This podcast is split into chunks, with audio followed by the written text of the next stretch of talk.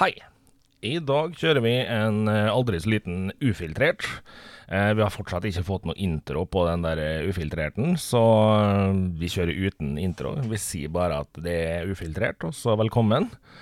Jeg sitter her i dag sammen med ei jente dere har hørt fra før, som var med i en ufiltrert tidligere. Skal være med i en tekkast snart. Og jenta heter Tilde. Velkommen. Tusen takk. tusen takk. Det er godt å være tilbake. Det er godt å være tilbake i studio, ja. Det du syns det? Ja. Det er litt gøy, for første gangen var du litt sånn smånervøs. Ja, Og så bare slo du helt av fem minutter inn i praten. ja jeg har jo jeg har ikke noe stoppknapp. Nei, men det er fint, det. Det, ja, det er sånn det skal være. Ja, i hvert fall på ufiltrert. Ja, sant. Det Jeg tok med meg det fordi at uh, vår kjære Thea hun har da tatt seg en liten ferie. Det har hun fortjent. Vel fortjent så øh, håper vi å ha henne tilbake etter ferien, for eh, vi savner henne jo. Vi savner Thea veldig. Og så øh, fant jeg ut at å spille inn ufiltrert alene var kanskje litt kjedelig. Ja. Så hvorfor ikke ta med Tilde? For Tilde er jo alltid gøy å ha med på alt mulig rart. så da inviterte vi med det. Og du sa jo ja tvert. Selvfølgelig. Det er jo supergøy. Jeg er jo kjempeglad i podkast. Ja, det er jo kjempegøy. Det er Litt av problemet med podkast er jo det at når du først liksom kommer i gang, så blir du gjerne litt hekta. Du blir det. Og så både liksom i lytting og i det å lage podkast. Ja, jeg hører jo veldig mye podkast. Ja, det, Det gjør er jeg. jo alt. Og det er litt sånn Når du har hørt podkaster en hel dag, og ikke tenker over at du har hørt på podkast en hel dag, så blir det litt sånn jøss, OK, det var kanskje litt skummelt. Ja, for jeg er sånn Jeg hører jo veldig mye podkast. I hvert fall når jeg er aleine. Ja. Så hvis jeg er på biltur eller rydder og vasker sånne ting, så hører jeg podkast. Og da føler jeg da at de her menneskene har jeg prata med hele dag. Ja. Så jeg tenker ikke over at jeg har hørt podkast. Jeg føler mer at nå har jeg hatt en lang og god samtale yep. med de her menneskene du aldri kjenner. Det er litt sånn jeg har da. Så Ja. du blir litt sånn herre Plutselig en dag så står du kanskje ansikt til ansikt med et menneske du har hørt i en podkast lenge, og så tenker jo du i tre sekunder at 'jeg kjenner jo det mennesket her', Mm, men du gjør jo ikke du gjør jo det på ingen måte. det. Det er jo litt skummelt sånn sett, da. Det. Men hvordan har du hatt det siden sist du var her? Ja, når var sist du var da? Jula? Ja, Siden jula har jeg hatt det veldig bra. ja du har... har, har jo- eh, Bodd i Hardanger. Yes, Det nevnte vi jo sist òg. det gjorde du. Jeg kom jo da Jeg var ferdig på skolen for eh, seks uker siden. Mm. Har da vært i Molde i seks uker. Det har vært uh, helt uh, greit. Jeg gruer meg jo veldig til å flytte. Ja. For det har jo Altså, jeg har bodd i Norges paradis. 5781 Lofthus Ullensvang. Jeg har det jo tatovert på håndleddet. Såpass, ja. Såpass. Det, jeg kjenner det der hjertet mitt ligger. Okay. Det er postnummeret til ro i sjela, rett og slett. Så det har jo vært Jeg var forberedt på at det skulle være litt sånn tøft å komme hjem og gå fra da å ha 80 mennesker i min kohort, være med folk fra morgen til kveld, og så plutselig komme hit. En helt Jeg føler det er en ny hverdag. Det er jo egentlig en gammel hverdag, Mm. men jeg har blitt så vant til det livet der, da. Men det har jo gått uh, veldig bra. Jeg tok meg jo en måned fri Mm. når jeg kom hjem. Tenkte at nå må jeg bare slappe av, få landa litt. Og det har vært veldig deilig. Og så kjente jeg at nå ble det litt vel mye fri. Så jeg har jo jobba litt òg, men jeg føler jo at jeg har hatt fri i 100 år, Ja, riktig. Det er jo litt skummelt å ha fri så lenge. Det er det. Og så jeg er jo veldig rastløs av meg, Ja. så jeg har jo Det har blitt litt mye å gå hjem og rydde og vaske, altså. Ser den. Ja. Og så skal du jo videre på studier, det snakka vi om rett før vi starta her nå. ja jeg fikk jo eh, leiekontrakt på Ah. studentbolig i går eller foregårs. Jeg skal til Volda. Aha. Mest sannsynlig, da. Det Ja. står jo at jeg kommer inn. På opptaket så står det alle, så jeg har googla det her. Og da står det at jeg skal komme inn, men jeg tør jo ikke håpe på det. Okay. Da kan jeg jo bli skuffa. Ja. Men planen, drømmen, er eh, Volda neste år, til høsten. Å gå journalistikk. Mhm. Bachelor i tre år. Og min drøm her i livet er jo å lage min egen dokumentarserie. Aha. Altså Stacey Dooley. Jeg vil være Norges Stacey Dooley. Ok. Og det, da sikter de høyt, altså. Ja. Men som podkast også, det elsker jeg jo. Det er jo et eh, I hvert fall for min del, så så er jo podkast kanskje det mediumet som føles enklest å gå inn i. samtidig som det krever så mye mer enn man tenker over i starten. Ja. Og jeg kom jo, når jeg og Thea starta podkasten, så var jo egentlig tanken å liksom prøve oss i et år, og så avslutte. Det gikk jo kjempedårlig. Vi har jo ikke greid å avslutte enda. Så, øh, men det er noe med det der med det at det er en for enkel måte å komme i gang på, fordi du kommer jo i gang bare med å sitte og prate. Det gjør jo det. Og er det et tema du liker, så klarer du å skravle om ting. Ja. Og det, men det som er litt skummelt, er jo det at når folk tenker ja, nå skal jeg starte en podkast, så tror de kanskje at ikke det er arbeid med det i det hele tatt, da. Men det er det jo. For skal du snakke om, for vår del, teknologi, så er det ganske mange timer med lesing om teknologi før du kan snakke veldig mye om det. Og sånn som Thea, som var helt ny, hun sa jo rett ut at før vi starta liksom, at jeg bør jo ikke være med på en teknologipodkast, fordi jeg kan det jo ikke. Og jeg sa det at det er litt av grunnen til at jeg vil ha det med, er fordi du stiller i en helt annen helt annet område enn meg, da, for å balansere ut mer litt. grann. Hvem er det i dag som sitter og leser opp i tre timer om temaet før vi skal spille inn? Jo, det er Thea. Det er Thea. Hun er superengasjert og setter seg ned og finner ut av ting som ikke engang jeg tenker over at hun prøver å leses opp på, liksom. Ja, sant. Det Og der er jo vi stikk motsatt. Jeg snakker ut av ræva. Jo, men jeg tror nok òg det at hvis du liksom sånn Når, når du skal være med på en Tekkast-episode, Ja. så ser jeg nok for meg at du òg er sånn Du kommer til å sette deg litt inn i temaet vi skal snakke om, for å ikke stå helt på bar bakke. Men du kommer til å være ærlig på at du ikke skjønner ting, og det er jo helt lov. Fordi det er jo litt av grunnen til hele Tekkast. Eh, veldig mange forstår ikke teknologi. Og teknologi er gørrtungt og gørrkjedelig hvis du ikke har forståelsen for det. Og det er jo der mange liksom har takka oss fordi at vi har gidda å satt oss ned og forklart hvordan ting funker, på en folkelig måte. Ja. Uh, av og til så er Thea nødt til å si nei, nå må du tenke deg om, for det her, du kan ikke si det på den måten her. Uh, derav skriver vi manus. Uh, og det er jo sånn Ja, vi snakka om det forskjellen på 4K og 8K-TV og sånt. ja, sant, for det der er jo gresk for meg. Og det, er- det er jo et sånt tema som ekstremt få, liksom Alle får med seg at ja, 4K er bedre enn den forrige TV-en, 8K er bedre enn 4K igjen. Ferdig. Det For, der. altså, for meg så er det der uh, luft. Jeg skjønner ingenting av det. Nei, det, det er veldig enkelt forklart, da. Så er 4K ekstremt høy oppløsning på bildet. Ja, 8K er dobbelt så mye oppløsning på bildet. ja, sant. Så det er jo helt sånn insane. Det, det, altså, det, er, så, det er så ekstrem kvalitet på det du sitter og ser på, Ja, at vi ikke engang forstår det sjøl. Eh, øynene våre tolker ikke 8K. Øynene våre, de bare Nei, det her er underholdning. Det, de, de greier ikke å lese kvaliteten i 8K på den måten vi gjør når vi gjør en test av et produkt som viser 8K-bilder. For da sitter du jo liksom og ser etter detaljer, linjer, alt mulig sånn. Det gjør du ikke når du sitter og ser en film hjemme, altså. Ser du en film, så ser du filmen for å se filmen. Ja. Hvor ofte sitter du og tenker «Nei, Jeg vet ikke helt, altså, den der eh, dressen der, det er ei stripe der som ikke stemmer helt med resten av mønsteret. Eh, Det er sånne ting du ikke sitter og fokuserer på når du ser en film. Nei. Jeg har tenkt uh, En ting jeg har uh, lagt merke til, Okay. det er jo at jeg syns alt har vært litt kornete.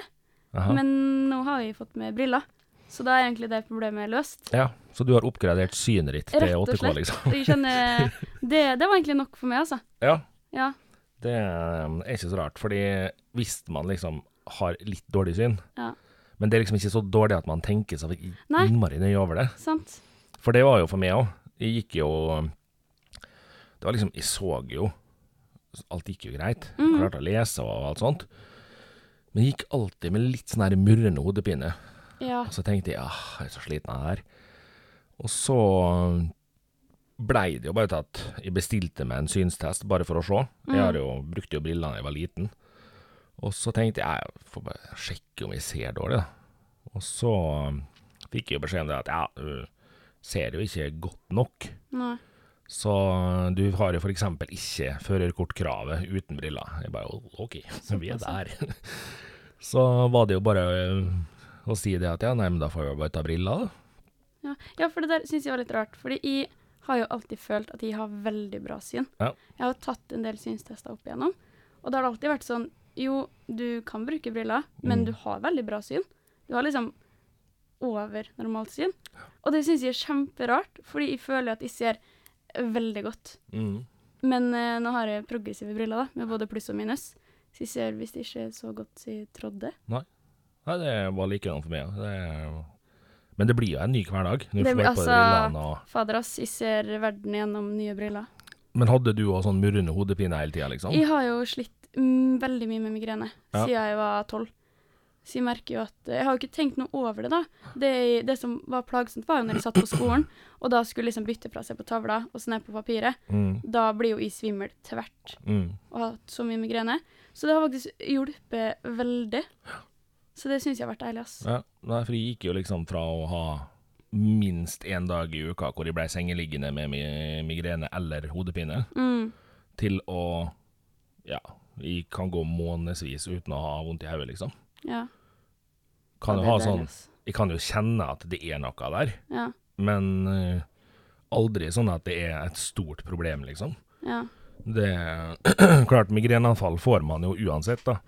Men uh, det er jo lada på en del andre ting òg. Er ass. Så Og det er umulig å bli klok på migrene, har jeg Ja, funnet ut. det, det er en rar ting. For uh, jeg tåler jo hvitost. Uh, enkelte av mine venner som har migrene, de får migreneanfall etter tre skiver hvitost, liksom. Etter hvitost, ja. Ja. Ja, sant. Og brunost har jeg aldri hatt problemer med. Har masse venner som får migreneanfall av brunost. OK, det der er veldig rart. Det Så mat har jo liksom kjempemye å si i migreneverden, det òg. Ja.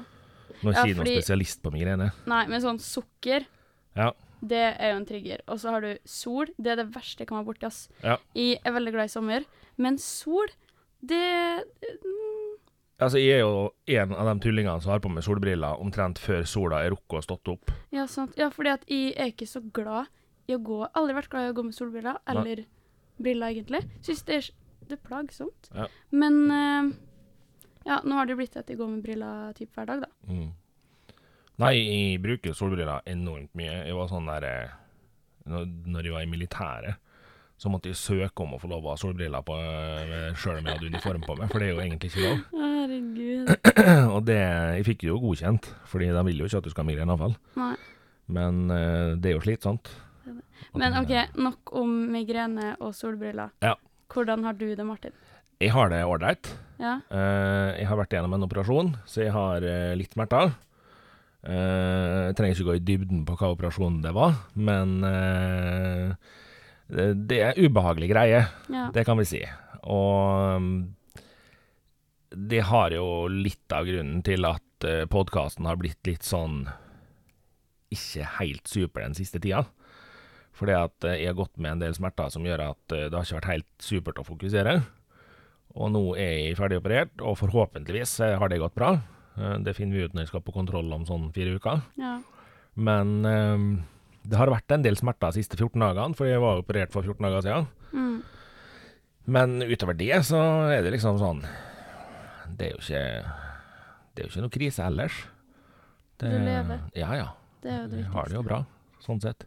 Ja. For nå har vi ikke sett det siden ja, Siden jula, da, kanskje? Nei. Vi har jo ikke sett det på år og dag. Nei, det var vel en gang vi møttes ute etter jula og til nå, liksom. Ja. Jeg syns i hvert fall at det er veldig kjekt å se det. Jo, Jeg takk ble det samme. veldig glad i går, når du plutselig var der. Ja. I går skulle ikke jeg ut. Nei, Det skulle jeg jo ikke. nei, men plutselig så var du ute. Ja. Um, jeg satt og spilte sammen med noen venninner, og så ehm, fant jeg ut at eh, nei, nå tar jeg meg en dusj. Og så ser jeg om forma stiger litt, liksom. Jeg ble veldig sånn slapp. Du blir jo litt slapp av å sitte og game. Ja. Og så gikk jeg i dusjen, og ferdig å dusje, så tenkte jeg nei, vet du hva, jeg stikker en tur ned og tar noen øl og ser hvordan det går. Mm.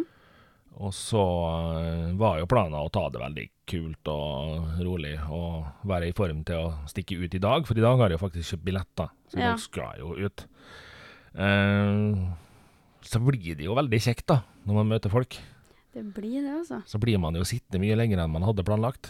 Det blir ofte sånn. Det er, Så jeg kjenner jo det i dag, at når jeg og du er ferdig å spille inn, så skal jeg jo legge meg ned og slappe av litt. Ja. Fordi at eh, jeg er ikke i dårlig form på noen måte. Nei. Men operasjonsbiten gjør jo at det, det merkes jo at man satt eh, i mange timer i går, og at man var mer aktiv enn kanskje burde vært. da. Ja. Det, Men du hadde det gøy ute? Jeg hadde det kjempegøy. Ja. Og det er jo Det er når man har hatt eh, ei litt lang ufrivillig pause fra vennene sine, man innser hvor ufattelig herlige venner man egentlig har. Ja. Eh, jeg har jo hatt tekstmeldinger fra alle kompisene mine som Mm. liksom lurer på hvordan går det, går det bra, er det noe jeg trenger hjelp til?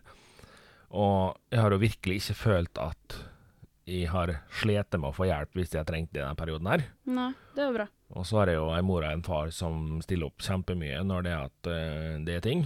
Mm. Og det er jo veldig praktisk å ha en far som kan handle for seg når man ikke kommer seg på butikken sånn superlett sjøl. Mm. Så det, det har jo vært veldig hjelpsomt, da.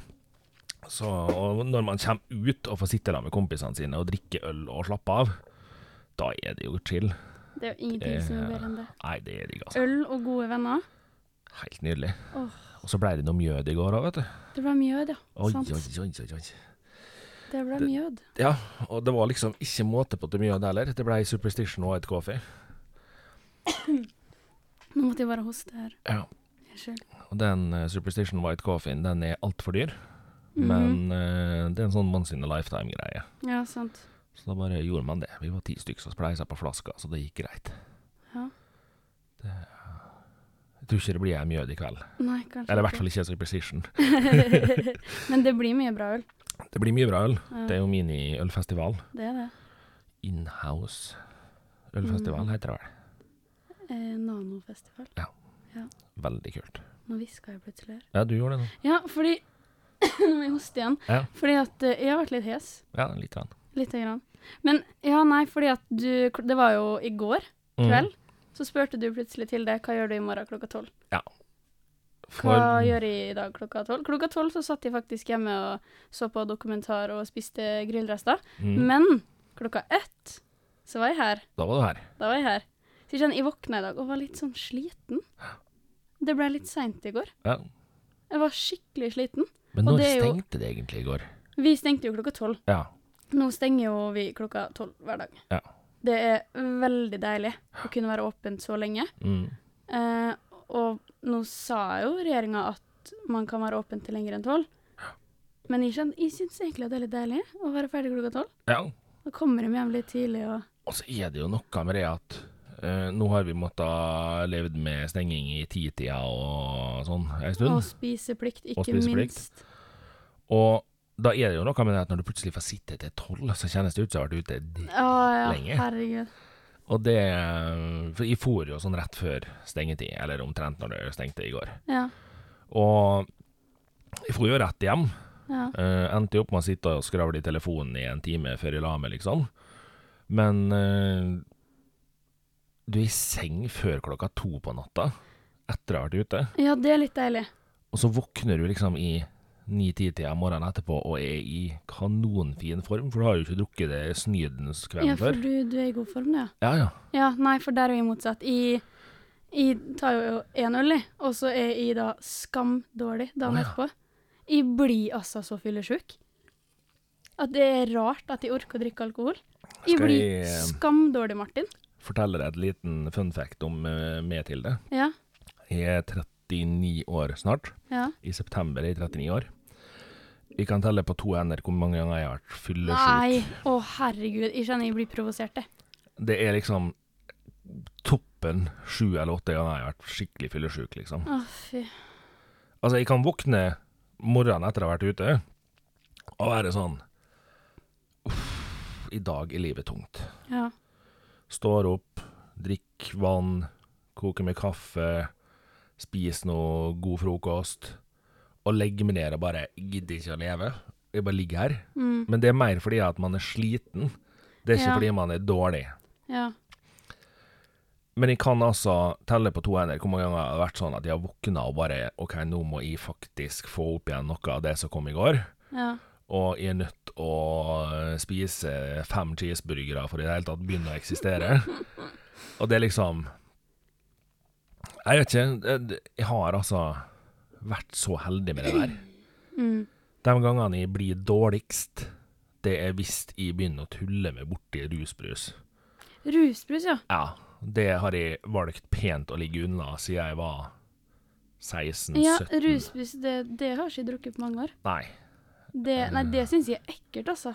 Unnskyld, men rusbrus, det Nei, det hører ikke til i hjertet mitt. Det er sånn sånn. derre Jeg husker uh, etter et Jeg husker ikke hvilket år det var nå. Det var ett av seriegullene Molde tok. Da var vi i byen, og så drakk vi en hooch. En hooch. Og det var sånn der, du hadde drukket én hooch, og du bare kjente hvorfor vi ikke drikker hooch. Jo, det er fordi hooch er hooch. Ja. Vi drikker sant. ikke det her. Ja. Nei, for jeg er jo stikk motsatt av det da, Martin. Ja. For jeg, jeg blir altså så fyllesyk. Og i går så var jeg på jobb. Og dagen før så hadde jo jeg selvfølgelig vært på tapp, som vi ofte er. Ja. Selv om vi ikke er på jobb, så er jeg ofte på tapp. Og det hadde blitt litt seint, det hadde blitt noen øl. Og jeg var altså skamdårlig når jeg våkna. Jeg er sånn, jeg eksisterer ikke når jeg våkner etter å ha vært ute. Da, da, da er jeg ikke til der. Det er bare Jeg bare sitter der, og jeg, jeg ser grå ut i trynet. Det er ikke kødd engang. Jeg, hele jeg ser grå ut. Jeg har det så grusomt. Jeg er skjelven. Og ikke klarer å spise før seint på kveld. Og det verste, det er at når jeg våkner, så har jeg gjerne litt promille. Jeg er litt skjelven, har det grusomt. Og så utover dagen så blir det bare verre. Oh, ja. Så klokka seks på kvelden, da piker jeg. Da er jeg skamdårlig. Så jeg kom jo på jobb i går og jeg sånn Å, herregud, jeg er så fyllesyk. Og det var jo ikke noe sjokk. Ja. Og så var Det var litt tungt.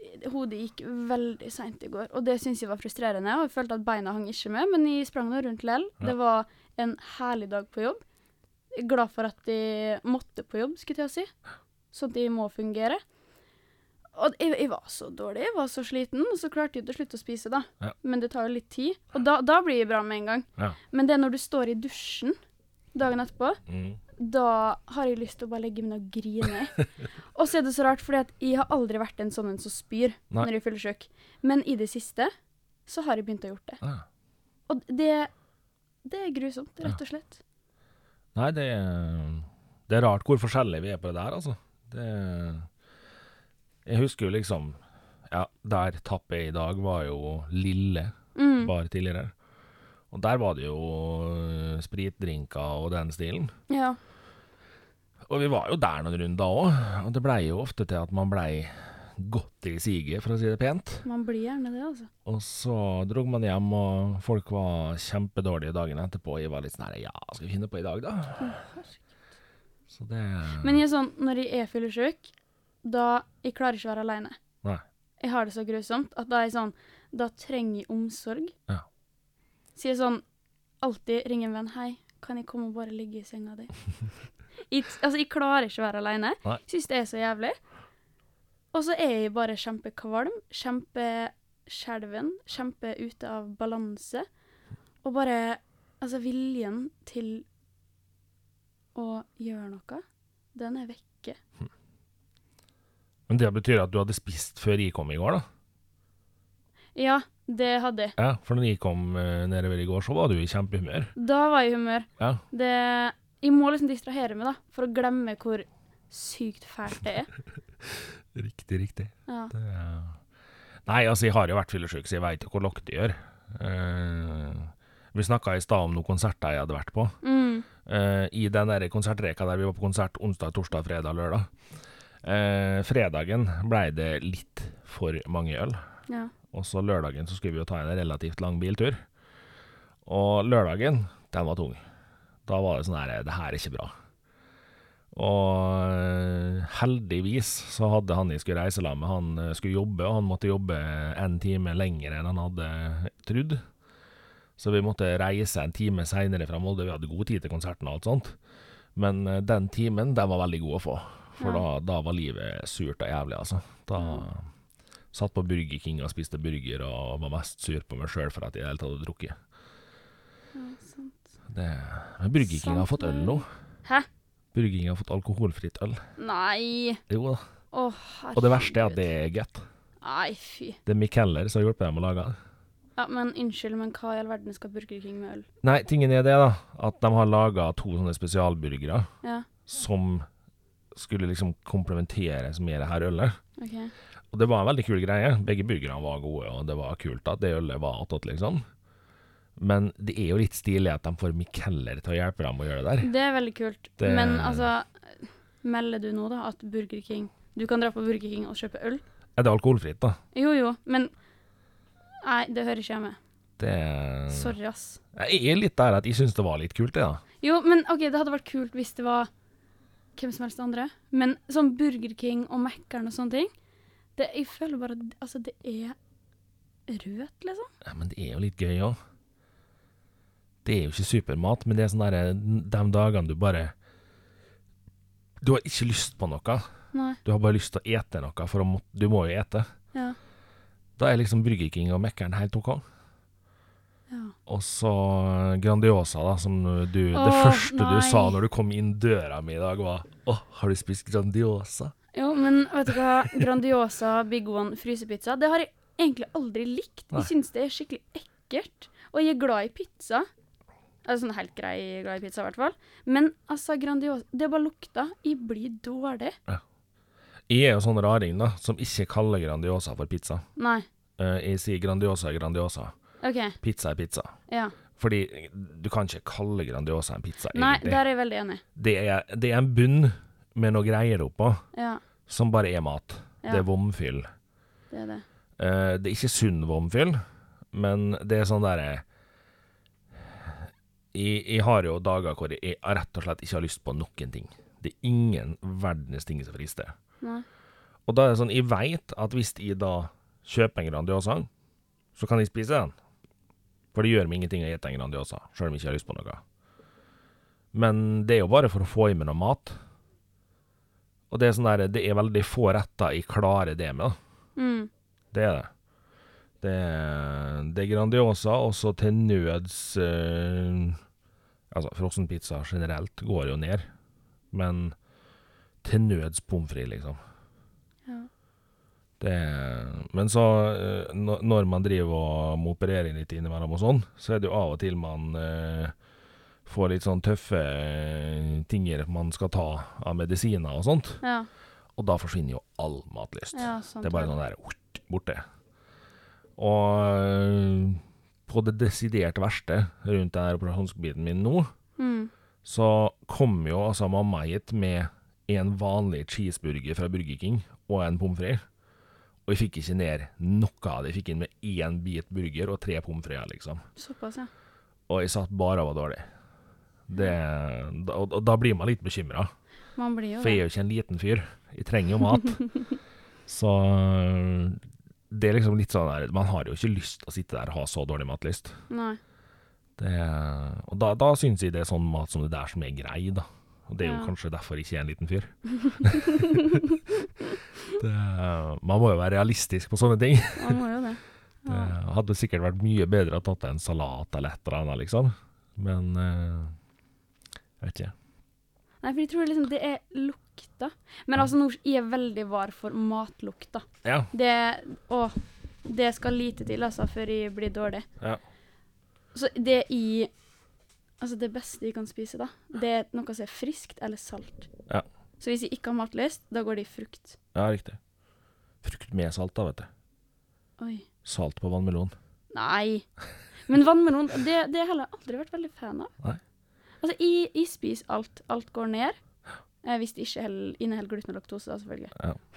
Er jo en sånn en. Ja. Men alt går ned, men det er veldig lite som er sånn Å, det hadde vært digg. Nei, altså Av mat som er sånn er Oi, det hadde vært digg. Mm. Der er det lite mat, altså. Ja. Det er sånn uh, Altså, jeg føler at de matrettene jeg tenker det har vært digg, det er gjerne sånne som hører til høytida og sånt. Ja. For det er sånn pinnekjøtt i jula, det er digg. Men jeg har ikke lyst på pinnekjøtt i dag. Nei. Jeg kunne ikke Jeg kunne ikke satt meg ned og nøte et fullt pinnekjøttmåltid i dag og tenkt at det her, er fantastisk. Jeg hadde Nei, sikkert syntes det var godt når du sto på bordet. Jeg tror fortsatt jeg er fyllesyk, fordi jeg blir litt dårlig av den samtalen her. Skal jeg være helt ærlig. Jeg blir litt sånn uggen, jeg. Det er um, Nei, det er, det er veldig rart det der med mat, altså. Ja, det er det. OK, men eh, potetstappe, Det er godt. Men vet du hva jeg gjorde her om dagen? Ja, Du ødela potetstappe, du. Eh, ja. I, det her har vi snakka om før. Ja. Jeg er elendig på å lage mat. Det er latterlig. Siden jeg kom hjem nå, så har jeg levd på glutenfrie knekkebrød, glutenfri havregryn og Ja, det er vel egentlig det. Ja. Det er det som går ned nå. Men, men hvordan ødela du potetstappet til det? Nei, nå skal du høre. Fordi i sånn posestappe, sant, Ja. det, har- det syns jeg er veldig godt. Ja. Posestappe og eh, pølse. Det Ja. gir meg en sånn derre nostalgisk følelse av barndom. Mhm. Og så skulle jeg da lage eh, posestappe, og det her, har, det her har jeg fått høre av familien at det bør jeg ikke gjøre, for der er jeg dårlig. Å følge oppskrift, det er ikke min greie, rett og slett. Jeg liker å følge magefølelsen, okay. improvisere. Jeg tenker man må være kreativ, i hvert fall når det kommer til matlaging. Ja. Du må jo følge magefølelsen, for det er jo dit maten skal, Ja. naturligvis. Så jeg skulle da lage posestappe, og så midt oppi så kommer jeg på at vent, det her er jo jeg veldig dårlig på. Kanskje jeg burde lese oppskrifta. Det var der jeg, det der jeg har eh, gjort feil før. Ja. Så jeg leser oppskrifta sånn type midt inni. Eh, hadde da gjort et eller annet feil, så det blei potetsuppe. ja.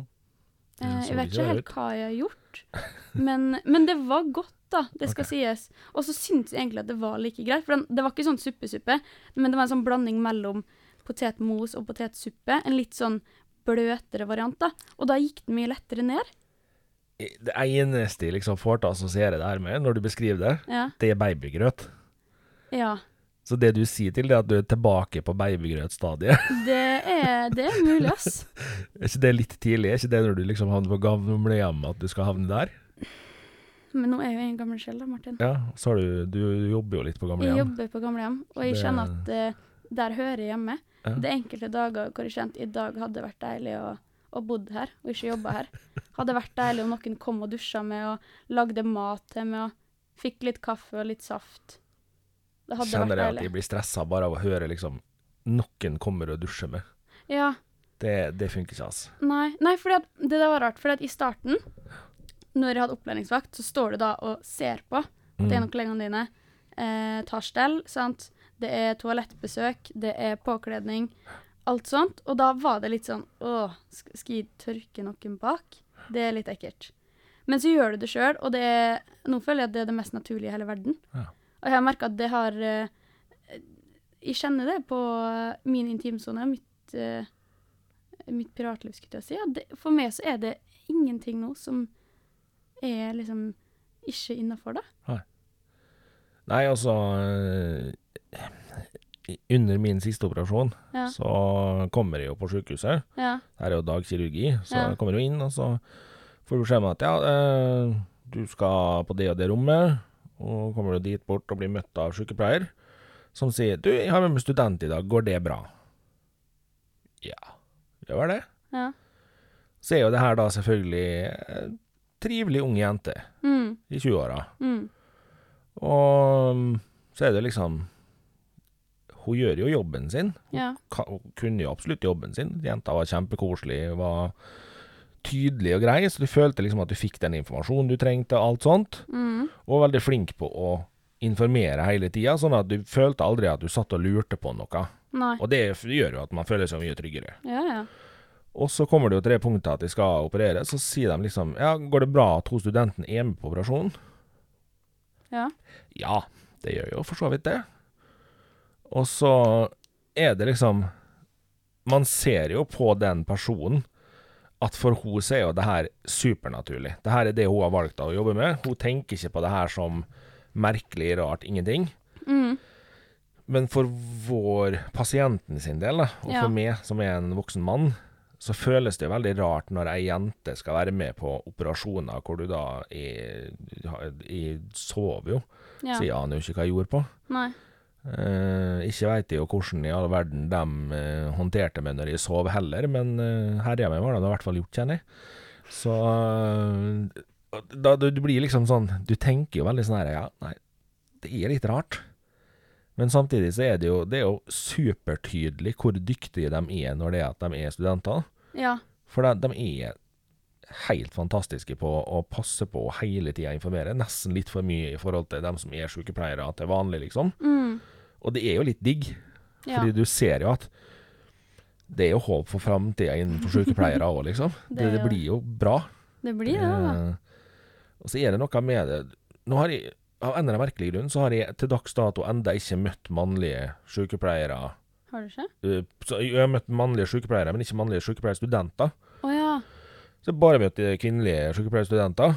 Og jeg har liksom sittet og tenkt nå at er det virkelig så få menn som går den retninga? Og det er jo det. For det er jo ikke kjempemange sykepleiere som er mannfolk. Ikke kjempemange, fordi du ser jo stort sett jenter. Du gjør det. Og jeg har en liten teori inni meg på hvorfor. Mm.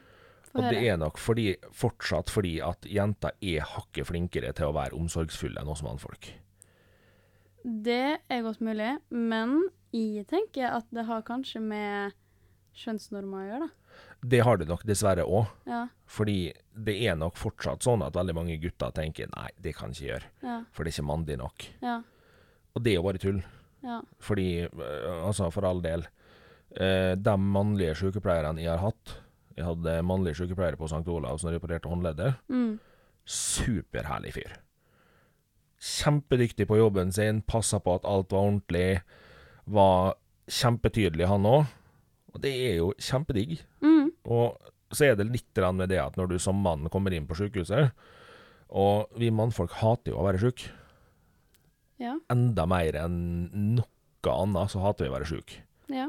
Jeg regner med at damer hater det òg, men jeg har aldri vært dame, så jeg veit ikke hvordan det funker. Nei. Men altså, som mann da når du kommer inn, så er det liksom sånn Du føler det pysete fordi at du har vondt. Ja, sant. Og så føler du det dum fordi at ting gjør vondt. Ja.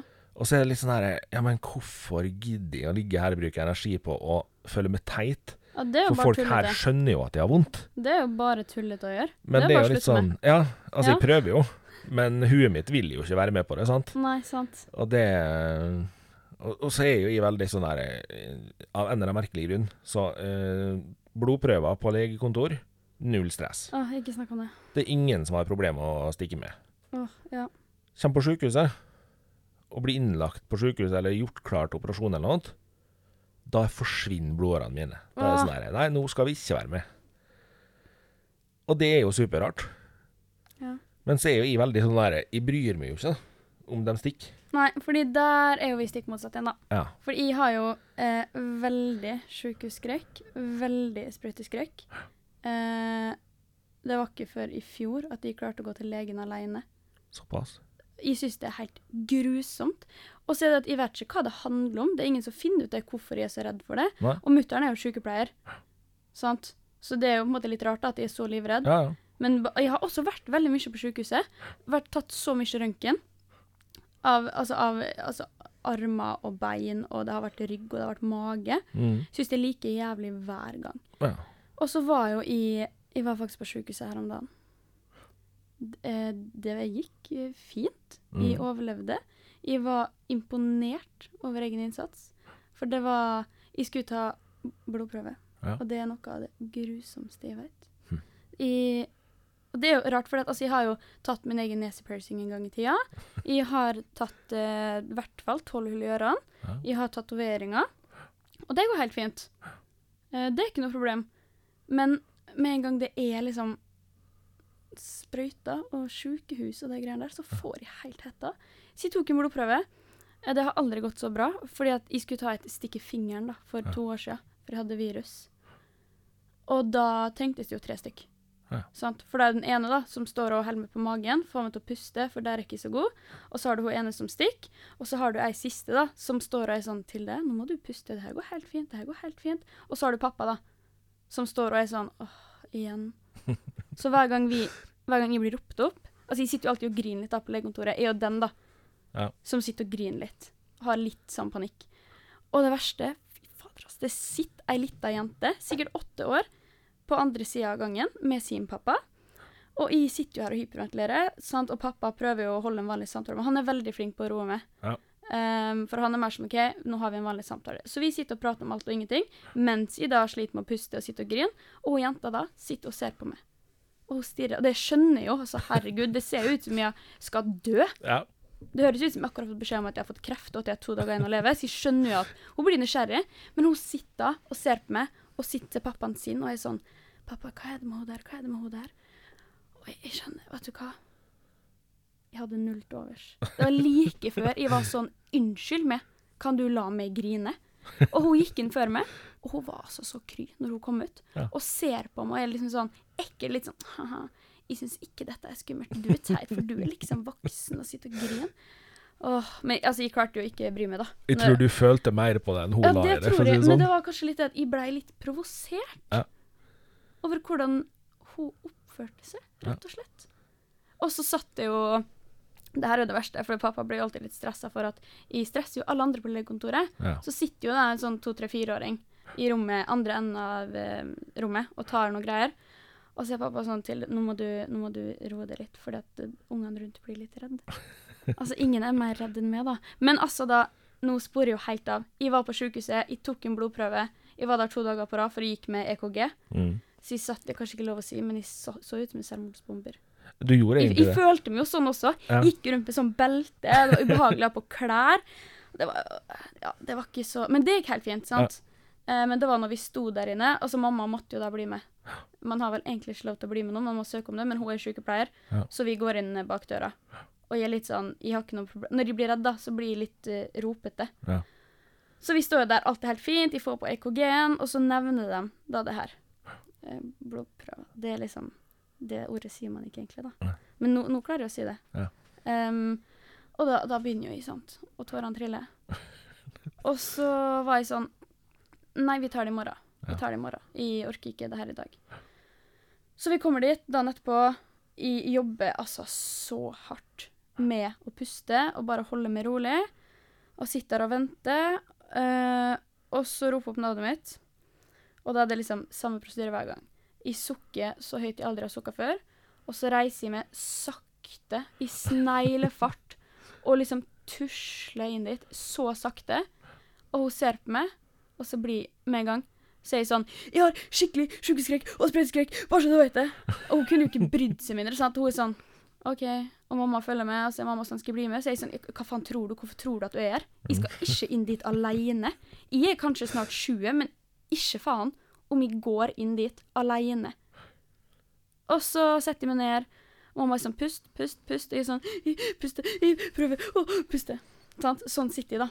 Eh, og det gikk egentlig veldig fint. Og hun spør jo Hun spør jo alltid skal jeg si fra, og før hun har sagt det, så roper jo jeg nei. sant? Ikke Ja. fortell meg det når du skal stikke. Så det gikk veldig fint, da. Jeg var veldig stolt. Mamma var også veldig stolt av meg. Og så er jeg bare sånn Nå, nå skal jeg hjem. Nå skal jeg ut herfra. Ja. Snakkes aldri. så Det det, Jeg var veldig stolt av, det skal sies. Det er litt stygt å flire av det. Det, jo, Men, men, eh, samtidig. Det er helt lov å flire, for det er jo kjempeteit. Og så er det jo det at jeg kjenner jo det som Tilde i det vanlige livet. Ja, ja, ja. Og du har jo Du viser jo ingenting sånt til vanlig. Det er liksom Det er så fjernt fra sånn jeg opplever det som person. ja. Og så blir det jo litt vittig når du liksom forteller sånne ting om far din, for jeg kjenner jo da også far din. ja. Og pappaen din, han har jo verdens mest sånn derre sinnssykt chille måte å si 'ja, men det her går bra' på, Ja. når ting liksom er litt stress. Ja. Så litt sånn 'ja, men det her går bra'. fordi der er jo mamma og pappa veldig forskjellige, for mamma er jo sykepleier, som sagt. Så det her er jo jobben hennes, Ja. sant? å stikke folk, og altså, hun jobber jo på sykehuset. Jeg får puls bare jeg ser sykehuset. Ja. Og det har jo lurt meg flere ganger når jeg var yngre, da, til at hun hadde glemt telefonlader, så jeg måtte komme på jobb, Mm. bare for å liksom prøve å få meg inn på sykehuset av og til. Og vet du hva, en gang Nå babler mye her, altså, Martin. Ja, det- Men det her er, er Når vi begynner å snakke om det, her, så klarer jeg ikke å stoppe, da. eh, nei, så jeg kommer inn dit, og så står jeg og griner litt, sant. Jeg tror kanskje jeg var 14 år. Eh, og så kommer da kollegaene til mamma. Alle her vet jo hvem jeg er, for mamma snakker mye med ungene sine. Mm. Og så 'Å ja, du er Tilde, dattera til Maria', og ditt og datt. Og jeg står der og sånn at jeg er jo helt spes, jeg får ikke med meg noe. Og så sier hun ene Hun klemmer, så sier hun 'Vet du hva, jeg heller er ikke så glad i sykehus'. Aldri hatt så lyst til å slå noen i mitt liv. Det er det dummeste jeg har hørt. Ja.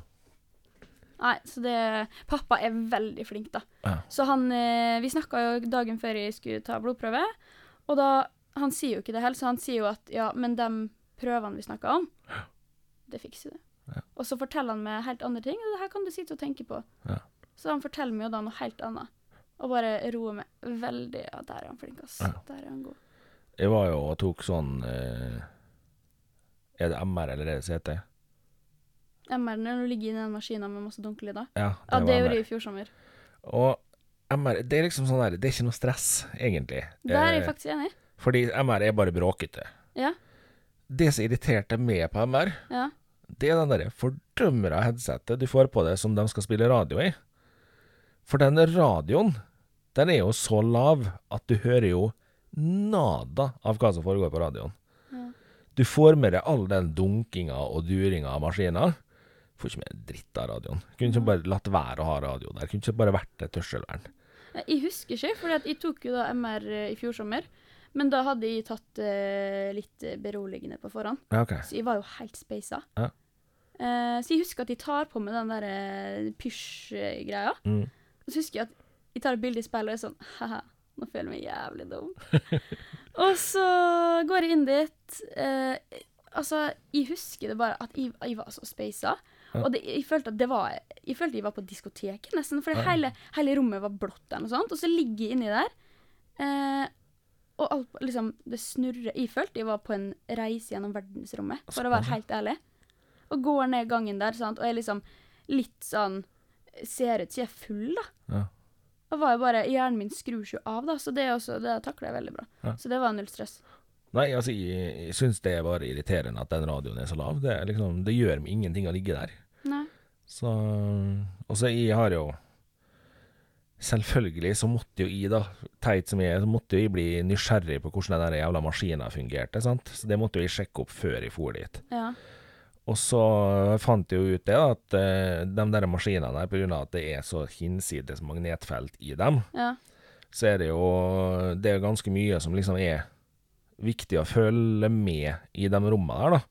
Det er sånn der du kjører ikke inn ei sjukehusseng inn i det rommet, for den blir tiltrukket maskiner, fordi det er så Oi. mye magnet i senga Shit, og i maskiner, liksom. Ja, Men ringen min, den kan være i rommet, OK. fordi at den har ikke nok magnet i seg sjøl til å bli dratt til maskina riktig. Ja.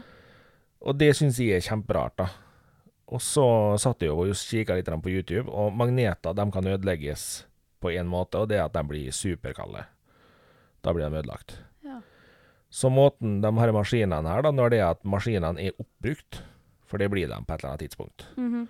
så skal magnetene ødelegges. Mhm.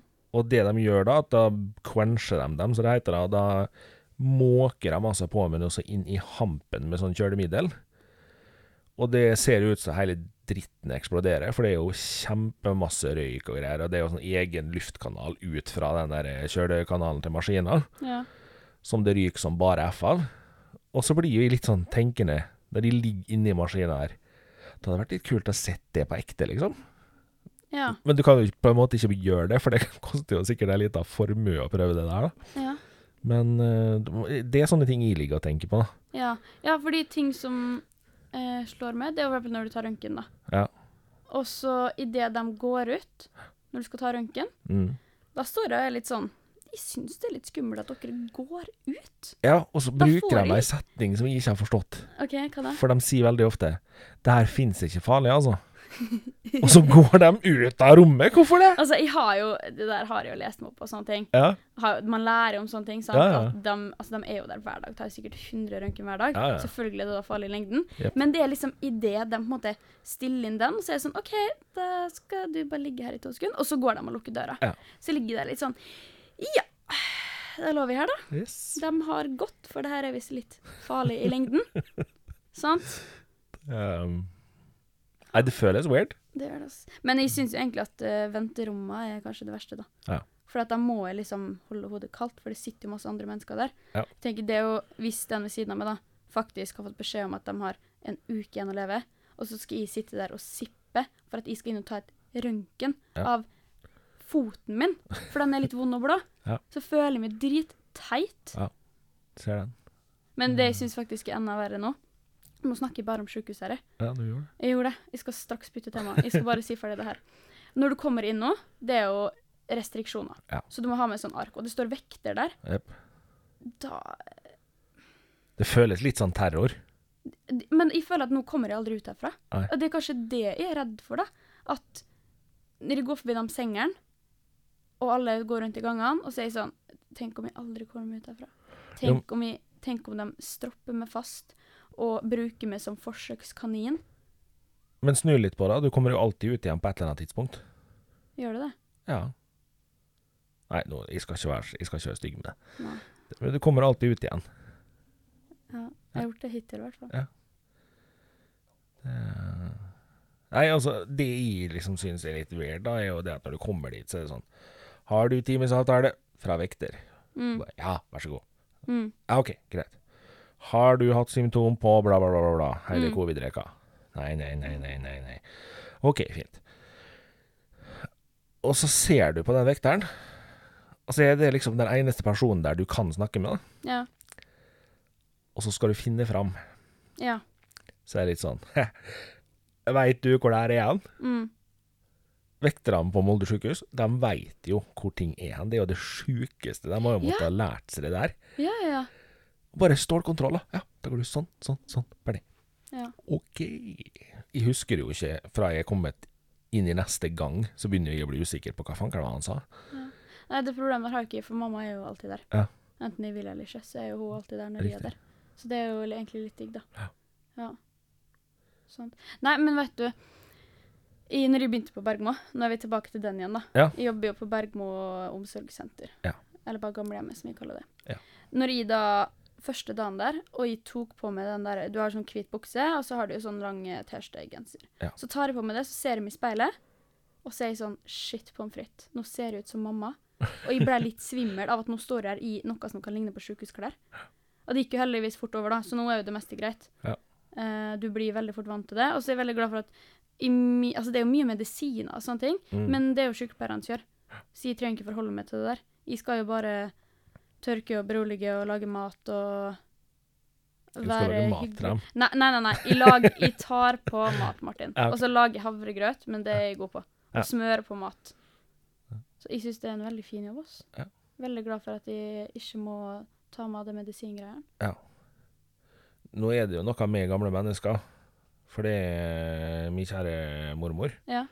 Hun er jo 96 år. Mhm. Og det er jo en veldig sånn Man må jo se veldig an dagsforma. Ja. For noen dager så er mormor verdens mest positive menneske. Mm. Andre dager så er alt Alt er negativt. Ja. Det er sånn her Nei, i dag lukter det rart her. Mm. Ja, har du fjerta? Ja, det kan hende, men det lukter rart her. Ja. Ja, det er ikke så rart at det lukter rart hvis du har fjerta. Ja. Jo, men du skal ikke gjøre det. Nei vel. OK. Neste dag så er det sånn alt lukter fantastisk, alt er bra. Ja. Du blir jo aldri klok på de greia der. Nei. Og så er det jo liksom noe med det at eh, når man jobber med gamle mennesker, Ja. så møter man jo alle typer mennesker. Du gjør det. Fra liksom de mest negative, som hater livet, som vil dø, Mm. til dem som elsker livet, digger at de har hatt et langt og godt liv, Mm. og prater i ett sett. Ja. Som lastebilsjåfør så har jo jeg levert en del varer på Ja. gamlehjem. Noe du skulle tro er en ganske smal sak. ja. Det skjer, Inn, sette fra deg, ut igjen. Det er helt til de gamlingene har begynt å bli vant til å se trynet ditt. det. Ja. Fordi da er det sånn Nei, men det du er i dag òg, ja. Jaså, ja. Hvor det står til, da. Ja, ja. Så ryker det jo 20 minutter før du kommer deg unna dem, vet du. Ja. Og så kan du jo ikke Du klarer jo ikke å være så røten at du sier Du, beklager, jeg må gå. Etter to minutter, liksom. Du, du gir jo dem ti minutter ekstra bare fordi de er gamle. Mm. Og det mest festlige jeg har vært med på Jeg skulle levere isolasjon til et uh, gamlehjem som var under oppussing. Mm. Og det var veldig få igjen i den etasjen vi skulle sette isolasjon. Men hun ene der, hun var da nesten 100 år. Mm. Var 99 år og hadde liksom noen uker igjen til hun var 100 år. Og hun var så pratsjuk. Og så var det litt sånn her hver gang du kom, så fulgte hun jo etter det hele veien bort igjen til heisa. Ja. Jeg vet ikke hvor mange ganger hun gikk fram og tilbake den gangen der den dagen, men hun fikk jo prata sikkert en time, fordi vi gikk jo fram og tilbake der omtrent en hel dag og trilla inn i isolasjonen. Ja. Og hun prata hele tida, og hun huska hvor hun var hen i setningene når du kom opp igjen, sjø. Ja. Så hun fortsatte jo. Ja, det er gøy. Det var kjempegøy, men uh, jeg var glad når jeg kunne kjøre derfra, for det var litt slitsomt òg. Det er det. Det, det er noe rart med det der. Som du sa først, da, at noen dager så er alt galt. Ja. Jeg tror det var sist, eh, sist jeg var på jobb nå, så begynte dagen med at jeg hadde smurt frokost. Sant? Dele ut frokost, sitte og prate litt, hente litt kaffe, og da var alt galt. For da var det eh, ei brødskive for mye med jordbærsylte, og det skulle egentlig vært aprikossylte. Og da var dagen ødelagt. Her var det bare kaos. Og nå var alt feil. Ja. Og du sitter da, sant. 'Å ja, nei, beklager, jeg skal gå og endre.' Så du går, skraper av jordbærsyltetøyet, tar på aprikossyltetøy, men da er fortsatt hele dagen ødelagt. Ja. Og tenk at jeg kan være så dum Ja. at jeg tar feil syltetøy. Tenk at du gjør en feil. Tenk det, Martin. Det er grusomt. At Altså. det går an å ødelegge en hel dag. Og da, da, da ble jeg litt sånn Å, guri. Ja. Dette blir ei lang vakt. Det er noe med det, altså. Så da gikk jo hele dagen da, og fikk kjeft av den ene pasienten. Ja. Som aldri kom over det der. Og da er det litt sånn Det kan være glemt på to sekunder. Med en gang man snakker om noe annet eller får hjelp til strikketøyet sitt, og sånne ting, så er det glemt, og da er jeg verdens snilleste. Og så glemte jeg å fylle på nytt vann, sant? og Ja. da igjen er hele dagen ødelagt. Nei, det er, det er en helt ekstrem eh, humørbit på det der, altså. Det er det. altså. Men det er kanskje litt som jeg jobber i barnehage. Jeg føler ofte Ja. at det er likheter. Det tror jeg. Men så er det også litt sånn Nå jobber jeg jo både i bar og på gamlehjem. Og det, det er mye likhet, ass. Det er litt sånn Fulle folk og gamlinger. Ja, for det er litt sånn Skal du ha et glass vann? Doen er den veien. Skal jeg hjelpe deg med noe? Ja. Eh, ikke spytt på bakken, og ikke hell ut på bakken. Vær Mm. så snill. Hold det i glasset. Det er liksom det det går i, da. Og unnskyld, men du kan faktisk ikke løfte stolen over hodet. Ja, Sant? det er litt sånn La den stolen stå, du. Nei, jeg ser hva du mener. Ja. Jeg gjør det. det jeg har ikke jobba veldig mye i bar, men jeg skjønner absolutt hva du mener. Det, Ja. Jeg og du jobba jo i lag i en jazzfestival, Stemmer. og det var mye fliring. Ja, det var det. For folk gjør jævla mye dumt. Å, herregud, ja. Og det viktigste på hele den jazzen var jo det at den minste av absolutt alle ryddehjelpene, hun tynneste av alle, Ja. hun var jo den som endte opp med å løse opp en slåsskamp.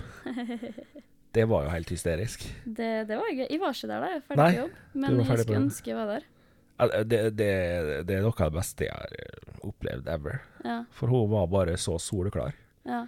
Og jeg tror ikke noen forventa at det var hun som skulle blandes inn. Nei, sant. Så det Men eh, det blei stopp på kranglinga. Det, altså.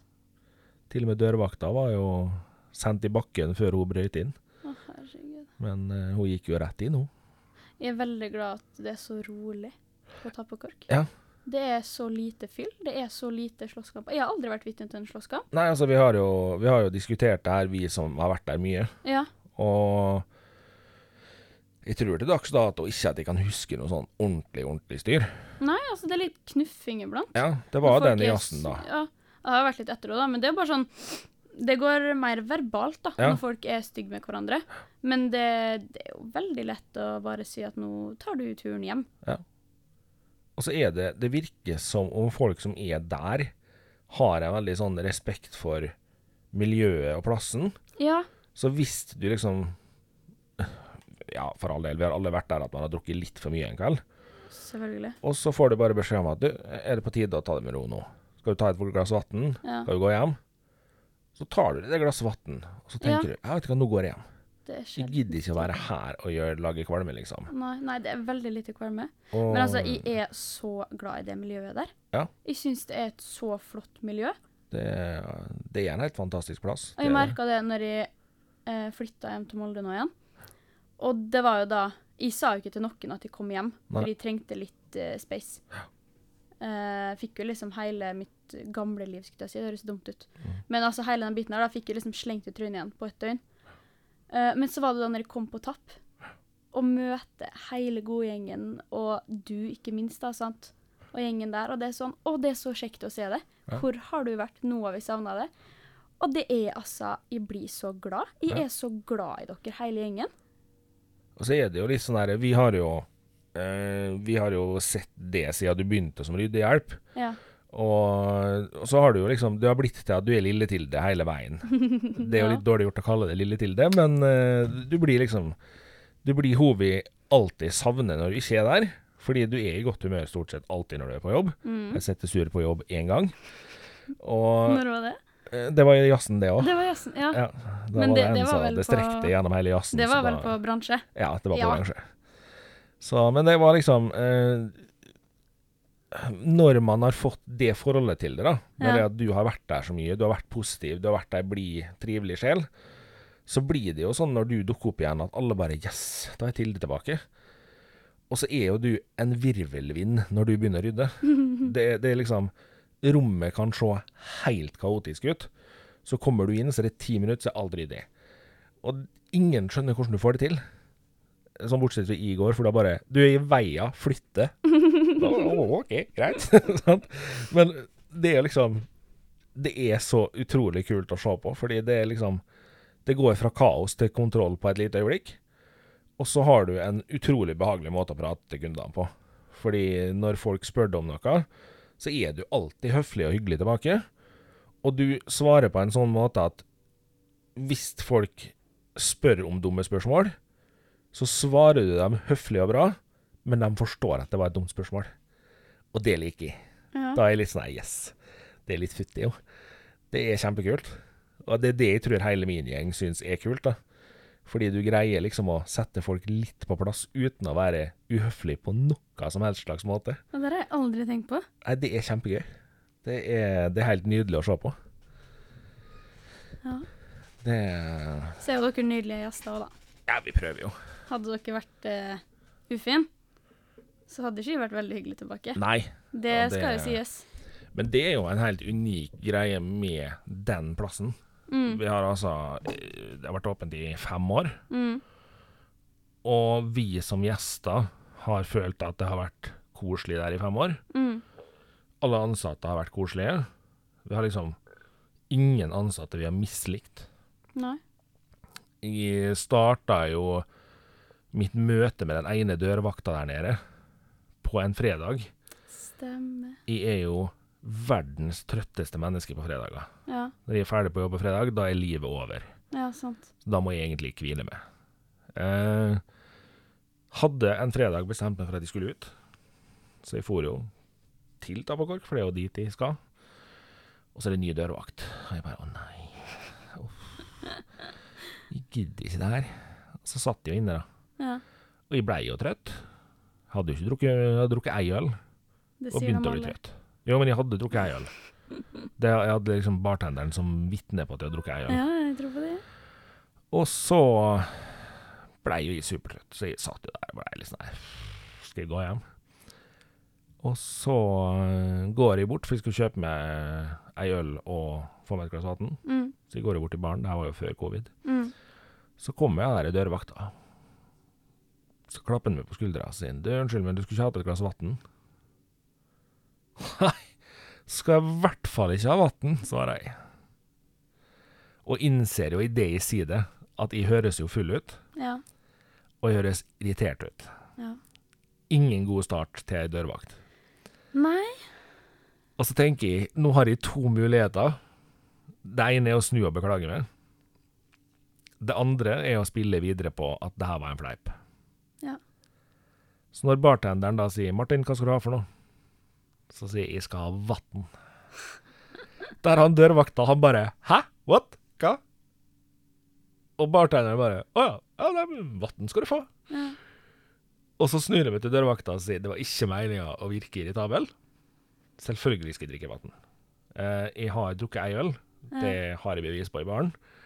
Men jeg er gørrtrøtt, og beklager hvis det ser ut som er dritings, liksom. Og det var hans første møte med meg. Ja. Men fra da av så var jeg og han kjempegode venner. Ja. Eh, hver gang vi møttes etter det her, så var jo standardkommentaren er 'skal du ha et glass vann'? Ja. Eh, uansett hvem av oss som så hverandre først, så stilte vi det spørsmålet. Så jeg kom jo eh, Han skulle slutte eh, rett rundt juletider et år. Så jeg var jo der, og så eh, sier de liksom det at eh, Ja, nei eh, Han kommer jo på jobb om ti minutter, liksom. Bare, Mm. OK, kult. Så jeg hadde med meg avskjedsgave til en og julegave til en. Og tenkte jo det at han måtte være hyggelig med henne. Og gir han jo gaver. Sier det var hyggelig at du var her, og synd du skal slutte. Og, og så ser han på meg og sier skal jeg pakke opp nå, eller skal jeg vente liksom, til julaften. liksom? Jeg bare nei, pakk opp nå. Så da fikk jo han Eira Water. Å, så gøy. Han digga det! Og bare, vet du hva, det er den mest fantastiske gava ever. Å, fy faen. Så han fikk tre flasker med Eira-vann. Men du, snakk om vann. Ja. Eh, I går Ja. så ga jeg dere en mugg med vann. Ja. Og så sier dere at smak på det her til det. Det smaker Treffhuset. Som var en veldig god beskrivelse. Du vet fotballhallen på Treffhuset? Ja. Nå er jo ikke den eksisterende lenger, da. Nei. Men der lukter det jo fotballknott og svette. Og. Og det smakte Treffhuset. Ja. Og de andre også. Vannet her smaker meget rart. Og det gjorde det. Ja. Og så, sånn var det utover kvelden. Noen ganger så smakte det at det smakte klor. Ja. Og da tenker jeg hva som skjer. Hvorfor er vannet vårt så klora? Spørsmålet nå er jo om det her kan være at det nå er litt hardere rensing på vannet av en eller annen grunn. Ja. Fordi det skjer jo ofte på starten av sommeren. Ja. At bakteriefloraen i inntaksdammen aha, blir så hissig at de er nødt til å klore vannet mer ned. ja. Eh, problemet med det er jo det at eh, når det blir så ille at det begynner å smake av vann i kranen, da er det jo ikke digg. For det var liksom perioder i går hvor det var sånn Det vannet her kan man ikke drikke. Nei. Det er helt grusomt.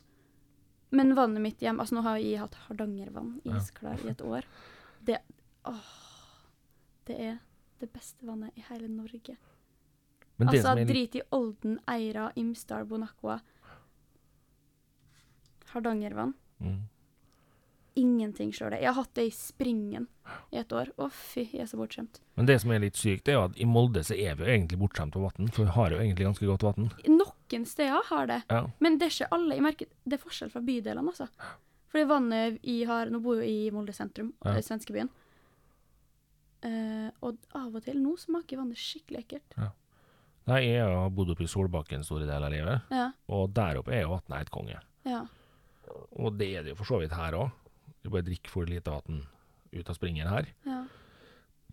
Men det Men det jeg liksom har tenkt på, det der har jeg jo tenkt på noen ganger. uh, ikke bare på den puben, men Nei. på veldig mange puber. Så har jeg tenkt på det der med at kanskje hadde det vært en idé å hatt faktisk vannfiltreringssystem i baren til det vannet du skal servere til gjester. Fordi er det én ting en bar er avhengig av, så er det at folk er fornøyd med produktene de får. Mm, Uh, uavhengig av hva du serverer, egentlig. mm, Uh, og det er faktisk så ille i en hvilken som helst bar, da, at om du serverer litt for gamle peanøtter, ja. Så blir folk grinete. Ja. Og én grinete kunde ødelegger mye mer enn ti positive kunder greier å rette opp. Ja. Dessverre. Så jeg har liksom tenkt, hvorfor har ingen laga et ordentlig vannfiltreringssystem til barer, som gjør at en bar kan bestandig servere vann som smaker så å si likt hele veien? da? For det finnes jo. Ja, det koster jo penger. Det gjør det jo. Men noen burde jo ha greid å lage det her på en sånn måte at bare han hadde råd til å kjøpe det. ja, det er et godt poeng. Godt poeng. For det Altså, ta hvilken som helst vinbar. Ja. De har én husets vin som de er stolte av, aha, og den smaker alltid likedan. aha, Ti år, så smaker den likedan. aha. Og jeg tenker, det burde jo gått an med vannet òg. Men vi har jo egentlig, som du sier, veldig godt vann. Vi har jo det. det Men akkurat nå, det kan hende at det bare var i går. mm, Men jeg syns vannet smaker litt rart. Det. Og da blir de med sånn konspirasjonsteorier. Sant? Det elsker vi. Sier litt sånn Oi, nå blir vi forgifta her. ja, Hva er det som skjer? sannsynlig til det. Det, du du veit aldri, altså. Men er du her. eh, Siden du jobber med eldre sånn som du gjør, Ja. har du fått vaksine? Nei, vet du, det har jeg ikke. Nei. Og jeg trodde at jeg kom til å få tilbudet, fordi at det er jo veldig mange innenfor helse og omsorg som har fått det. Ja. Og så å si alle mine venner som jobber på gamlehjem i Bergen og Oslo og andre steder, de har fått det. Ja, men det er jo fordi de har jo tatt fra oss dosene våre. Jo, jo, men det var i Det er sikkert i april. Ja. Så fikk jo dem som da har et vikariat, hatt en sommerjobb, Ja. på et gamlehjem i Bergen, fikk jo da melding 'Hei, vil du ha vaksine?' Og da blir det sånn i, altså Nå kommer jeg til å slite med å ta den vaksina, men selvfølgelig skal jeg ta den. Mm. Altså, er du gæren? Men er Men du da jeg kjenner at nå er jeg sånn, nå vil jeg ha den vaksina. Men er du da òg såpass på konspirasjonsteorien at du tror på den der at de chipper eh, mennesker med den vaksina òg, eller? Det er ikke dum heller, da. Har du sett den derre eh, amerikanske ekstremismeopplegget der? Har ikke lyst til å sette meg inn i det. Jesus, altså. det. Men det er så mye Altså, unnskyld, men vaksinemotstandere That's a no go. Ja, altså, jeg kjenner jo folk som driver med sånn alternativ medisin. Ja. Og alt mulig sånt, og det er helt greit. Jeg støtter veldig alter alternativ medisin. Mm. Det kan være supert, det. Men når du på en måte eh, Altså, greit at du kanskje ikke vil ta en vaksine, Ja. for at du ikke tror på det, men når du da skal stoppe ungene dine Ja. fra å ta vaksine, ungene dine som er seks år, Mm. fra å ta liksom poliovaksine og meslinger og røde hunder og sånne ting, det blir for dumt. Ja. Det er som at ungene dine skal være veggis for at du er det. Ja. Jeg så en veldig bra bilde på det der. Ja. Eh, Det er en liten unge som sitter på fanget til bestemora, Mm. og så ser han på eh, armen her, for her har jo eldre har jo et sprøytestikk som det er ganske tydelig merka av der. ja, ja. Uff. Eh, Jeg er jo av den generasjonen som har fått den, Å nei. og så sier liksom den lille ungen at eh, Hva er det her for noe? Nei, det er vaksine. Hvorfor har ikke jeg sånn? Fordi den virka. Ja, sant. Dere slipper fordi vi har gjort det. Sant. Da, da er vi ferdig med det. Ja. Og det er en helt nydelig måte å fremstille det på. Mhm. Fordi det er faktisk veldig viktig at folk tenker sånn på det. Det er det. Hvis vi skal bli kvitt sosiale nedstenginger i lange perioder, Ja. så må folk faktisk skjønne det at kanskje det kan være lurt å ta vaksine for denne sykdommen. da. Ja, og så når vi først er inne på det. Det her med risikoen for blodpropp Ja. ved den vaksina, det blei jo altså en så stor sak. Ja, Og så er det like stor sannsynlighet for å få blodpropp av vaksiner som det er å få blodpropp av p-piller som Ja. jenter tar hele tida. Ja, nå sa du det akkurat. Det, det der irriterer meg så gale. Ja, For det, det er jo ofte sånn Det er ikke et problem med mindre det er et problem for meg, Nei. tenker jo folk. Og vi er jo jævlig egoistiske. Ja, ja. Nå skulle vi prøve å ikke banne i podkasten her, det har jeg allerede gjort. Men man er jo så egoistisk. Og sånn til og med i da, på min verste, mest angstfulle dag, hvor jeg heller vil dø enn å ta en vaksine, så kan jeg eh, tullete si det at Men hvis alle andre i hele verden tar vaksiner, så er det jo bare Da er alle andre eh, beskytta, så er det bare jeg som blir sjuk, men jeg kan ikke bli sjuk for alle har tatt den, så jeg trenger ikke å ta den. Mm. Men alle skjønner jo at det funker jo ikke sånn. Nei, det gjør ikke det. Nei, Det som er komisk eh, Amerikanerne er jo gode på å lage teorier og konspirasjoner ut av veldig mye. Ja, ja, ja. I USA så har de jo eh, en sprøytetype som har blitt veldig vanlig, og det er det at når du setter sprøyta, Ja. og så tømmer du sprøytekammeret for væske, Ja. altså du har stukket hele vaksinedosen, Mm. så popper nåla inn i sprøyta Oi, okay. for å unngå at det går an å stikke seg på etterpå. Okay. Og det her er jo for å unngå typ smittsomme sykdommer som hiv og sånne ting. Ja. Superoppfinnelse. mhm. Helt til én idiot av et menneske, unnskyld uttrykket, var nødt til å si Jaså, så de skyter sprøytespissen inn i oss for å merke oss? Ja, for du hadde ikke merka om du har en sprøytespiss på si fem centimeter stående i armene i resten av livet, da, din nerd. Hvordan i all verden mener du at du ikke skulle merka det? Og så er det de folka som sier det at ja, det er magnetisk etter at du har tatt vaksina. Der de henger en metallbit på hånda. Ja. Mest nydelige avslutninga på den diskusjonen jeg har sett noen gang, var en som sa ha litt babypulver på, og så henger du på magneten etterpå. Der tingen bare datt rett i gulvet. Ja. Og mennesket ble litt sånn Hæ? Hva skjedde nå? Så svarer personen Du har et stikksår i huden. Stikksårvæske. Ja. Derfor kan ting henge fast i det. Ja. Når du har hatt på babypulver, så er det ikke mulig at det er klissete lenger. Nei. Og det finnes ikke magnetisme der. Nei. Derfor så detter den bare i gulvet. Fordi det der handler da om at de tenker at de spores. Ja. For det er jo litt tullete, da. Fordi det er vel en, et par av oss som går rundt med en smarttelefon, f.eks. Eh, et par. Et par? En eller Jeg har, jeg har hørt at det er folk som gjør det. Ja. Som har en sånn i lomma. Av, av og til, en gang iblant, kanskje? Ja. Kanskje en gang i jubelåret. Ja, kanskje. Eh, jeg er jo av den typen som har Google Home-høyttaler. Mm. Eh, og jeg vet ikke hvor mange ganger vennene mine, eller enkelte av vennene mine, har sagt Kan ikke du slå av den høyttaleren når vi kommer? Mm. Klart jeg kan. Men hvorfor? Nei, vi liker ikke at vi blir spora. Har, du lagt igjen mobilen din hjemme? Nei. Nei. Har du logga av Facebook? Nei. Nei. Har du logga av Instagram? Nei. Og du er redd for at mine høyttalere skal spore det? Ja, for all del, jeg skal ta ut strømmen på dem. jeg. Nei, fordi jeg jo kan eh, brått bli sånn Altså, jeg, det har skjedd flere ganger at, hvor jeg har sletta Altså, jeg sletta Instagram og sånn. Ja. Eh, ja, det Lasta ned Instagramen på VG1, da. Ja. For da fikk jeg den derre Brått så treffer meg den Å nei. Det sitter mennesker som vet hvem jeg er, og ikke vet hvem de er. Mm. Folk kan gå inn på min Instagram-profil, for den er åpen, og se på mine bilder. Ja. Nummeret mitt ligger ute, e-posten min ligger ute.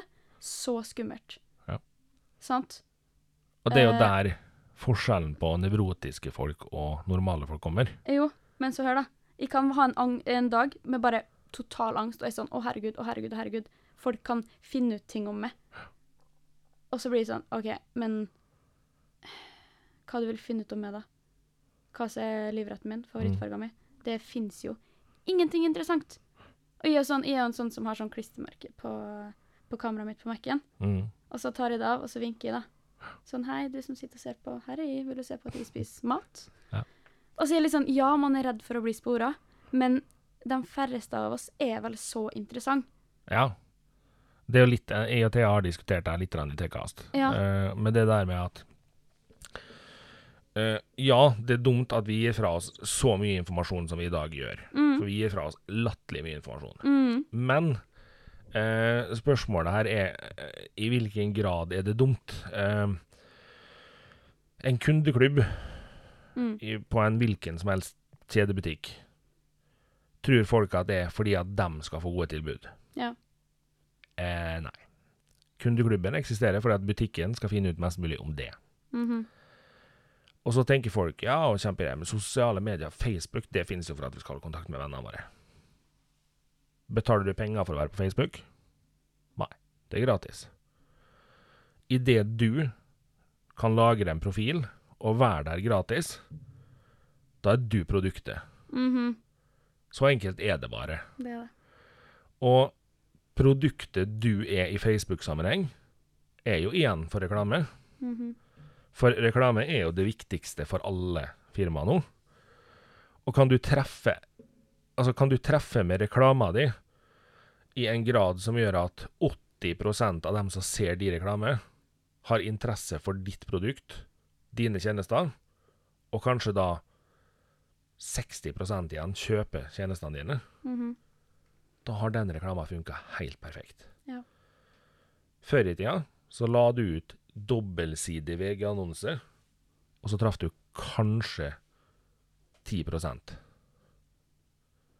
I dag så treffer de sylskarpt 90% av tida, liksom. Ja. Og det går jo på det at vi er esel hele gjengen. Vi registrerer oss på alt vi kan registrere oss på, og så er vi livredd Google-høyttalerne. Og da tenker jeg ja, for all del, vær redd den Google-høyttaleren, du. For det er den som kommer til å ødelegge for deg framover. Det er ikke at du registrerer det på alle mulige nettsider.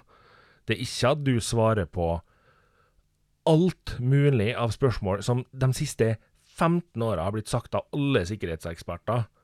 Slutt å svare på det her, fordi det her er å fiske etter hvordan de skal gjenopprette passordet ditt. Folk tenker ikke over det. Det er sånn derre Ja, mitt uh, gangsternavn er Sweet Kitty 17.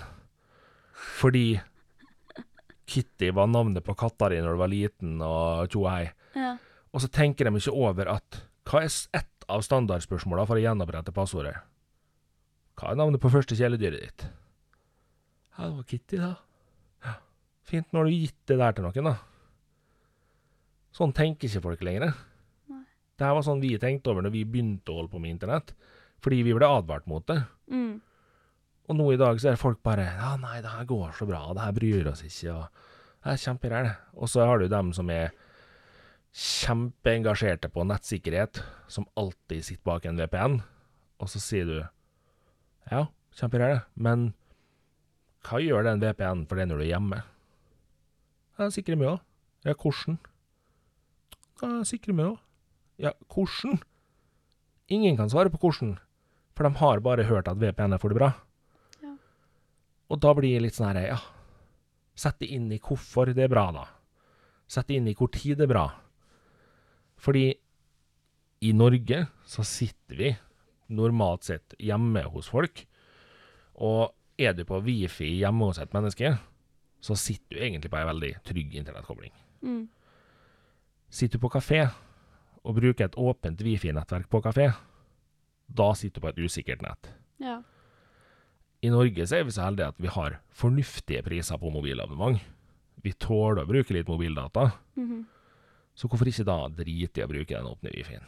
ja, fordi jeg bruker alltid 4G-en min fra Ja. telefonen. Men nå har vi sånn Telia X. Ja, Eh, jeg har jo på ingen måte behov for det, da, for de bruker jo sånn 2-3 gigabyte i måneden. Men det her er jo da sånn familiegreier, for da Ja. har vi ikke eh, Hva heter TV-boks og sånne ting, da. Ja. Alt går gjennom telefonene våre. Eh, så de bruker jo alltid bare det, Ja. uten å tenke meg om, og det er ganske digg. Så det er, det, det er ikke noe problem, da, å koble seg på nett. Og jeg er jo sånn, altså før så var det jo litt sånn her, ja nei, jeg får bruke minst mulig data. Ja. Nå i dag så har jeg et abonnement som gir meg 10 giga data eller noe. Ja. Jeg klarer meg fint med det. Og jeg har gjerne ekstra hvis de trenger. ja. Og så er det litt sånn Jeg vet hva, jeg gidder faktisk ikke å koble meg på wifi med hver eneste kompis jeg er med. Nei. Jeg tåler å bruke mobildataene mine. Ja. Jeg er ikke påkobla wifien på tapp når jeg er der, jeg. For jeg tåler å bruke mobildataen min. -hmm.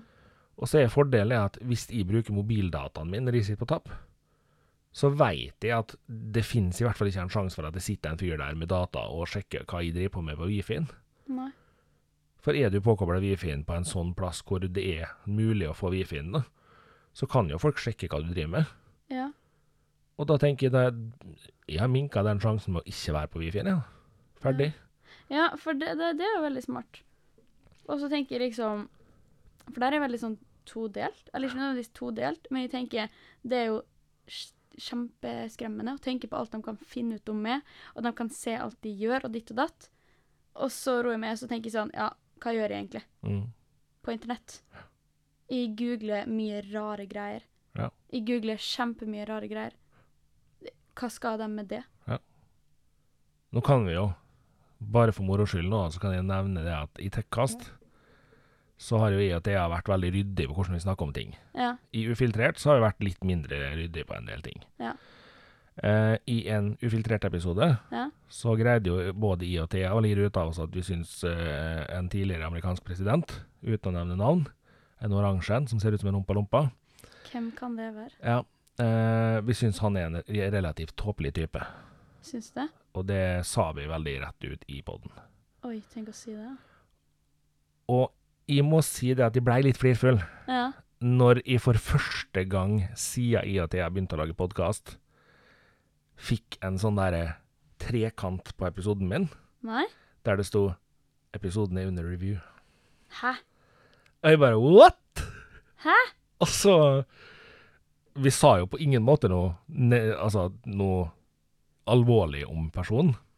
Jeg, jeg vil lar være å nevne navn nå, fordi at jeg har ikke lyst til å få den trekanten igjen. Ja. Eh, Vi sa på ingen måte noe negativt eller noe galt. Sånn, sett. vi sier bare at vi syns han er en topplig type. Ja.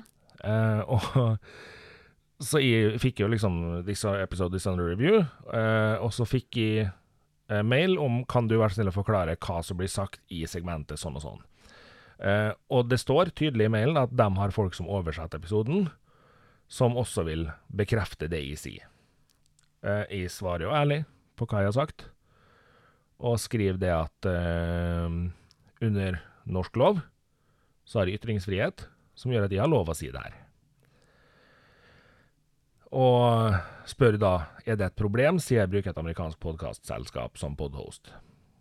Får til svar nei, det er ikke et problem. Vi måtte bare sjekke fordi det er blitt flagga. Episoden ble lagt ut.